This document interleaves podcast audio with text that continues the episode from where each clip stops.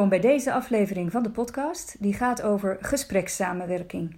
Hoe kun je in gesprekken op microniveau tot goede samenwerking komen met je gesprekspartner? Mijn naam is Gwenda Sloens-Bodien en samen met Koert Visser heb ik de progressiegerichte aanpak ontwikkeld. Wij geven trainingen in progressiegericht leiding geven en coachen en we geven train-de-trainer trainingen en we schrijven boeken en artikelen. Progressiegesprekken kenmerken zich doordat er op microniveau wordt samengewerkt met de gesprekspartner. En in deze podcast belicht ik vier manieren waarop je dat kunt doen. De eerste is door progressiegericht te erkennen. We streven er namelijk naar dat onze gesprekspartner kan ervaren dat wij hem oprecht begrijpen. Dat hij kan zeggen: Ja, dat is precies mijn perspectief. En daar zijn we eigenlijk niet zo goed in als we zelf denken, in dat begrijpen van iemands perspectief. Uit onderzoek blijkt dat wanneer we op basis van iemands gezichtsuitdrukking moeten zeggen hoe wij denken dat die persoon zich voelt, we het vaak mis hebben. Kunnen vertellen of iemand de waarheid spreekt of liegt, dat lukt ons ook niet goed. En zelfs als we de persoon goed kennen, zijn we niet zo goed in het inschatten wat de voorkeuren van die persoon zijn. Uit 25 experimenten van Eyal et al.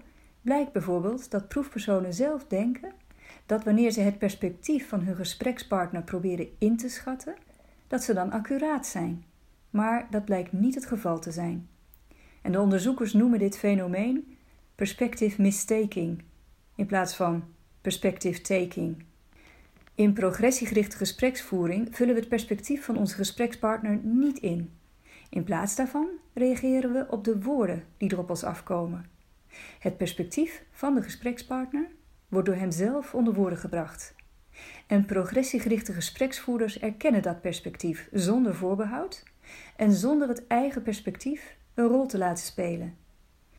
Het doel daarvan is om een constructieve samenwerking op te bouwen met de gesprekspartner op het microniveau van de communicatie. Door die erkenning ontstaat een yes-set in het gesprek.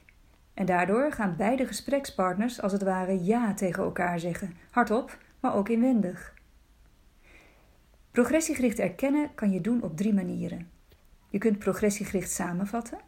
En dat betekent dat je in je samenvatting de kernwoorden van je gesprekspartner bewaart. Bijvoorbeeld, ah, dus de situatie is, en dan herhaal je de kernwoorden van je gesprekspartner. Of, hoe begrijp ik het goed dat, en dan herhaal je de kernwoorden van je gesprekspartner weer. De tweede manier waarop je progressiegericht kunt erkennen is door processamenvattingen. Dan vat je niet zozeer de kernwoorden van de ander samen, maar vat je het proces samen. Ah, dus dat is de situatie. Ja, natuurlijk wil je daaraan iets veranderen. Logisch dat je dat niet langer wilt. Ja, ik begrijp dat dat belangrijk voor je is. De derde manier van progressiegericht erkennen is op microniveau erkennen. Bijvoorbeeld door woordjes als ah, mooi, prima, oké, ja, begrijpelijk. Erkennen wordt vaak vergeten in gespreksvoering. De ene persoon is uitgesproken en de andere persoon legt direct zijn eigen perspectief ernaast, of gaat er tegenin, of stelt direct een vraag. Progressiegericht erkennen ligt echter aan de basis van gesprekssamenwerking. En daarbij is het wel essentieel dat progressiegerichte erkenning oprecht is. En dat betekent dat dat wat de persoon denkt hetzelfde is als dat wat hij zegt. Want als wat je denkt congruent is met wat je zegt, komt je erkenning en je samenvatting oprecht over. Een tweede manier waarop je progressiegericht kunt samenwerken in een gesprek is via ombuigen. Het doel van ombuigen is om via je vragen de gesprekspartner te helpen om van negatieve formuleringen positieve formuleringen te maken. En zo zoek je als het ware naar zijn plus achter zijn min, oftewel naar de positieve doelen, waarden en belangen die schuilgaan achter de negatieve klachten en formuleringen van je gesprekspartner. Ombuigen is een effectieve manier van reageren op negatieve uitingen van je gesprekspartner. Er is op zich natuurlijk niks mis mee als iemand negatieve uitingen doet in een gesprek, maar als het daar alleen bij blijft, dan boek je samen geen progressie. Ombuigen klinkt bijvoorbeeld als volgt: Je gesprekspartner zegt iets negatiefs en jij zegt: Dat zeg je vast niet zomaar. Wat is er voor jou belangrijk in deze situatie? Of dus daar ben je het helemaal niet mee eens. Waar pleit je voor? Of Oh, dus je baalt dat je collega dit heeft gedaan. Wat zou je liever hebben gehad dat je collega had gedaan? Of dit soort problemen zou je dus voortaan niet meer willen. Hoe zou je willen dat we dit soort problemen in de toekomst aanpakken? Ombuigen is vaak in combinatie met erkennen heel effectief. En het hoeft trouwens niet heel snel te gebeuren. Het kan nuttig zijn om eerst even rustig en gedetailleerd te praten over wat het negatieve is en hoe dat negatieve je gesprekspartner dwars zit, voordat je ombuigt naar hoe beter eruit zou zien. Een derde manier om tot progressiegerichte samenwerking te komen in gesprekken is via reframen. Het doel van reframen is om formuleringen die progressie onmogelijk of onwaarschijnlijk maken, om te buigen tot formuleringen die progressie mogelijk en waarschijnlijk maken. Er zijn vier soorten reframing. Je kunt reframen van permanent naar tijdelijk. Bijvoorbeeld, je gesprekspartner zegt: Ik kan het niet. En jij reframet door te zeggen: Je kunt het nog niet. Dus van permanent naar tijdelijk. De tweede manier waarop je kunt reframen is van stabiel persoonlijkheidskenmerk naar veranderbaar gedrag. Bijvoorbeeld, je gesprekspartner zegt: Ik ben nu helemaal geen type persoon die voor grote groepen kan spreken. En jij reframet en zegt: Voor grote groepen spreken is iets dat jij nog aan het leren bent. Een derde reframe is van negatief naar positief. Bijvoorbeeld, je gesprekspartner zegt: Mijn collega is een onbetrouwbaar persoon. En jij reframet door te zeggen: Je wilt graag dat je collega zich aan de afspraken gaat houden? De vierde manier waarop je kunt reframen gaat van buiten de eigen invloedssfeer naar binnen de eigen invloedssfeer. Je gesprekspartner zegt bijvoorbeeld: Die overheid maakt onze sector helemaal kapot met alle koerswijzigingen. En jij reframed door te zeggen: Klopt het dat je graag een manier wilt vinden om minder last te hebben van de koerswijzigingen? Een vierde manier die ik wil belichten is de sequentie van vragen bij onvrijwillige gesprekspartners. Soms ben je misschien met iemand in gesprek die daar eigenlijk helemaal geen zin in heeft, het nut van praten met jou niet ziet of zich onder druk voelt staan om met je te praten. Je kunt dan snel en goed tot samenwerking komen via een sequentie van progressiegerichte interventies, oftewel een bepaalde volgorde van interventies. En het doel van die sequentie van vragen is om met onvrijwillige gesprekspartners constructief in gesprek te komen, zodat er een platform ontstaat om de nuttigheidsvraag te gaan stellen of om het gesprek tot wederzijdse tevredenheid te beëindigen.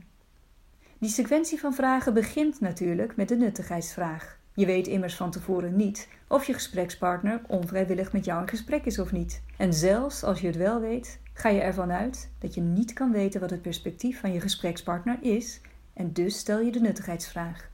Bijvoorbeeld, hoe kunnen we deze tijd wat jou betreft zo goed mogelijk besteden? Of waar wil je het over hebben zodat dit gesprek nuttig voor je is? Je gesprekspartner reageert vervolgens door iets te zeggen als: Nou, dit gesprek is niet mijn idee. Daaruit blijkt dat je gesprekspartner niet vrijwillig met jou in gesprek is. Het eerste wat je dan doet is progressiegericht erkennen. Ik begrijp dat dit een lastige vraag is, omdat je leidinggevende je hier naartoe heeft gestuurd. Of, nou ja, als je niet vrijwillig met me hebt afgesproken, dan kan ik me voorstellen dat je niet goed antwoord kunt geven op deze vraag. Of, oh, was het niet jouw idee om dit gesprek te hebben? Wiens idee was het? Je gesprekspartner geeft vervolgens antwoord op je erkenningsvraag. En dan ga je onderzoeken. Wat is de situatie? Wat is de reden dat je leidinggevende wil dat we met elkaar gaan praten? Of hoe is deze afspraak tot stand gekomen? Of wat is de aanleiding voor dit gesprek? Of wat vindt de rechter of de docent of je vader dat je moet gaan verbeteren? Op het moment dat jouw gesprekspartner rustig heeft kunnen uitleggen wat de situatie is, Waarom de leidinggevende of de rechter of de docent of de vader of wie dan ook vindt dat hij met jou moet komen praten? Wat zijn eigen perspectief daarop is? En waarom hij het geen goed idee vindt of onnodig vindt? En jij sluit helemaal aan op dat perspectief en accepteert het zonder oordeel, dan kun je overstappen naar de volgende interventie en die noemen wij de kantelinterventie. Die kantelinterventie luidt: Wat heeft je doen besluiten om ons gesprek toch door te laten gaan vandaag? Of dus al met al wilde je dit gesprek helemaal niet. Wat heeft je doen besluiten om toch te komen vandaag? Via deze kantelinterventie krijgt je gesprekspartner de gelegenheid om uit te leggen waarom het al met al toch beter was om het gesprek door te laten gaan. En die redenen kunnen zowel positief als negatief zijn. De redenen kunnen positief zijn, bijvoorbeeld: Nou, als ik wel ga, dan wordt mijn kans groter op een promotie. Maar ze kunnen ook negatief zijn, nou, als ik niet ga, dan word ik misschien wel ontslagen en dan ben ik nog verder van huis. Wat zijn goede reden ook is om besloten te hebben om toch te komen vandaag, ook hierop sluiten we weer helemaal aan. Het gaat ons erom dat we zijn logica goed begrijpen. Dus gaan we erkennen. En dat is de vijfde interventie. Ik begrijp de situatie nu. Ik kan me voorstellen dat het al met al beter voor je was om dit gesprek toch door te laten gaan. Of logisch dat je gezien deze omstandigheden toch besloot om te komen. En op dit moment in het gesprek heb je een platform om de nuttigheidsvraag opnieuw te stellen.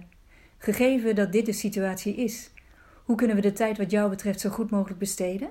Of tegen deze achtergrond, wat zou je misschien willen bespreken zodat de tijd samen nuttig voor je is? Of dus als jouw leidinggevende zou merken dat jij beter bent geworden in plannen en organiseren, dan zou deze coaching jou wel iets hebben opgeleverd? Na deze sequentie van vragen bij onvrijwillige gesprekspartners krijg je waarschijnlijk een antwoord op de nuttigheidsvraag. De reden daarvan is dat als je gesprekspartner het echt niet nuttig had gevonden, hij sowieso niet was komen opdagen op de afspraak. Het feit dat hij er is, kan je al optimistisch stemmen dat er wel iets is wat hij met jou zou willen bespreken. Maar mocht dat niet het geval zijn, en mocht je gesprekspartner er via je vragen achterkomen dat hij echt het gesprek niet wil, dan is het ook prima om het gesprek te beëindigen. Natuurlijk is het niet altijd gewenst of nodig om goed te gaan samenwerken in gesprekken. Soms is een gesprek gewoon helemaal niet aan de orde en kun je de interactie beter snel stoppen. Als je niks met iemand wil, dan hoef je niet te investeren in de samenwerking op gespreksniveau. Maar dat gezegd hebbende zijn er juist heel veel gesprekssituaties waarin het wel belangrijk is om progressie te gaan boeken. En de vier interventies en principes die ik in deze podcast behandelde, kunnen daarbij helpen. En daarbij is het essentieel dat je oprecht wil samenwerken met de ander en dat wat je zegt en wat je denkt hetzelfde is. Dus wanneer jij je gesprekspartner inwendig aan het beoordelen en bekritiseren bent, dan kom je niet tot progressiegerichte samenwerking, ongeacht wat je zegt. Want je eigen oordelen beginnen door te klinken in je woorden. Er komt bijvoorbeeld een licht verontwaardigde toon in je stem. Maar wat wil je er dan voor in de plaats? Meer leren kan in onze trainingen en meer lezen kan in onze boeken. Kijk maar op www.cpw.nu.